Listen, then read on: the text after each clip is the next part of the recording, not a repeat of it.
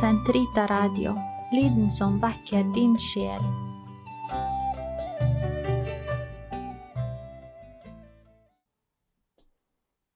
Den katolske kirkes katekisme, uke 28, torsdag 1446-1454. Tilgivelsens sakrament.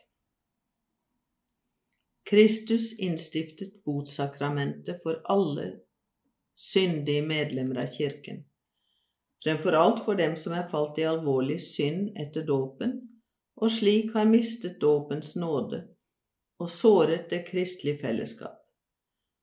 Dem gir botens sakrament en ny mulighet til å omvende seg og finne tilbake til den rettferdiggjørende nåde. Kirkefedrene fremstiller dette sakramentet som en annen redningsplanke etter det skipbrudd tapet av nåden er. Den konkrete form under hvilken Kirken har utøvet denne makt den mottok fra Herren, har variert meget i århundrenes løp.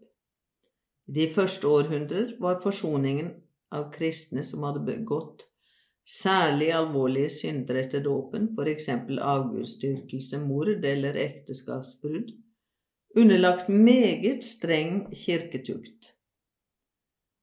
Etter den måtte penitentene gjøre offentlig bot for sine synder, ofte i mange år før de kunne oppnå forlik.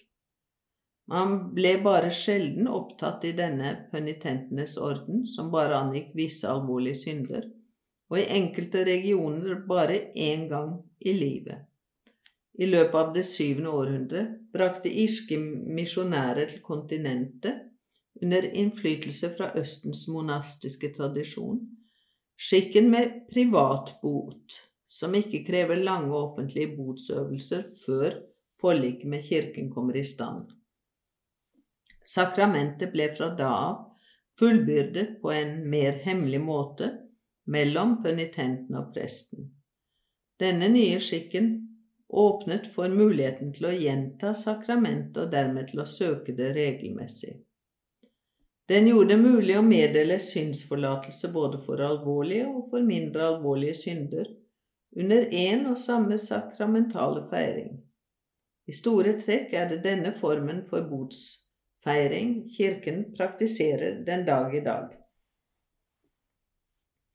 Gjennom de forandringer kirketukt og feiringen av dette sakramentet har gjennomgått i århundrenes løp, er det samme grunnstruktur som legges for dagen. Den innebærer to elementer som begge er like vesentlige.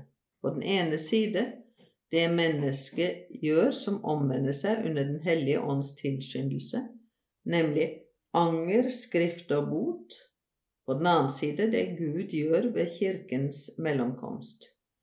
Kirken som gjennom biskopen og hans prester meddeler synsforlatelsen og fastsetter botsøvelsene, ber også for synderen og gjør bot sammen med ham. Slik blir synderen helbredet og gjeninnsatt i det kirkelige fellesskap.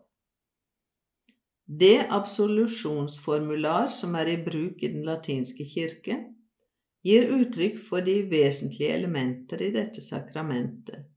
Det er all miskunns far som er all tilgivelses kilde.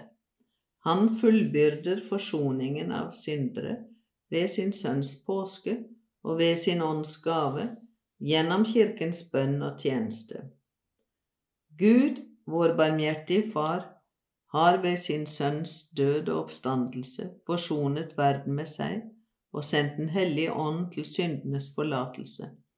Han gir deg ved sin kirkes tjeneste tilgivelse og fred, så forlater jeg deg dine synder, i Faderens og Sønnens og Den hellige ånds navn. hva den skriftene gjør. Boten krever av, synder, av synderen at han med glede godtar alt det som inngår i den, i hjertets anger, i munnens bekjennelse, i væremåte, full ydmykhet og helsebringende bot. Anger Av det den skriftene gjør, er det angeren som kommer først.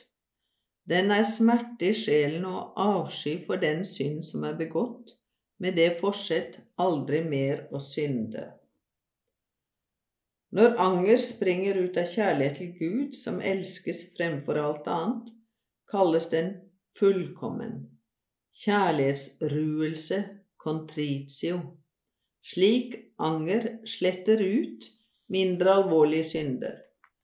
Den oppnår også tilgivelse for dødssynder dersom den innebærer det faste forsett å søke det sakramentale skriftemål så snart dette er mulig.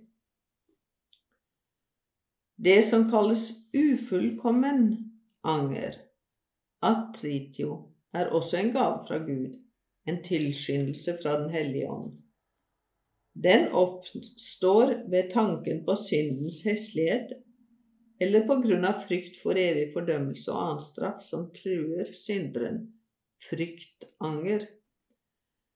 Slikt samvittighetsnag kan føre til en indre utvikling som bringes til modning ved nådens hjelp, ved den sakramentale absolusjon. I seg selv oppnår imidlertid den ufullkomne anger ikke tilgivelse for alvorlige synder, men den åpner for å motta den i botens sakrament. Man bør forberede seg på å motta sakramentet ved å ransake sin samvittighet i lys av Guds ord.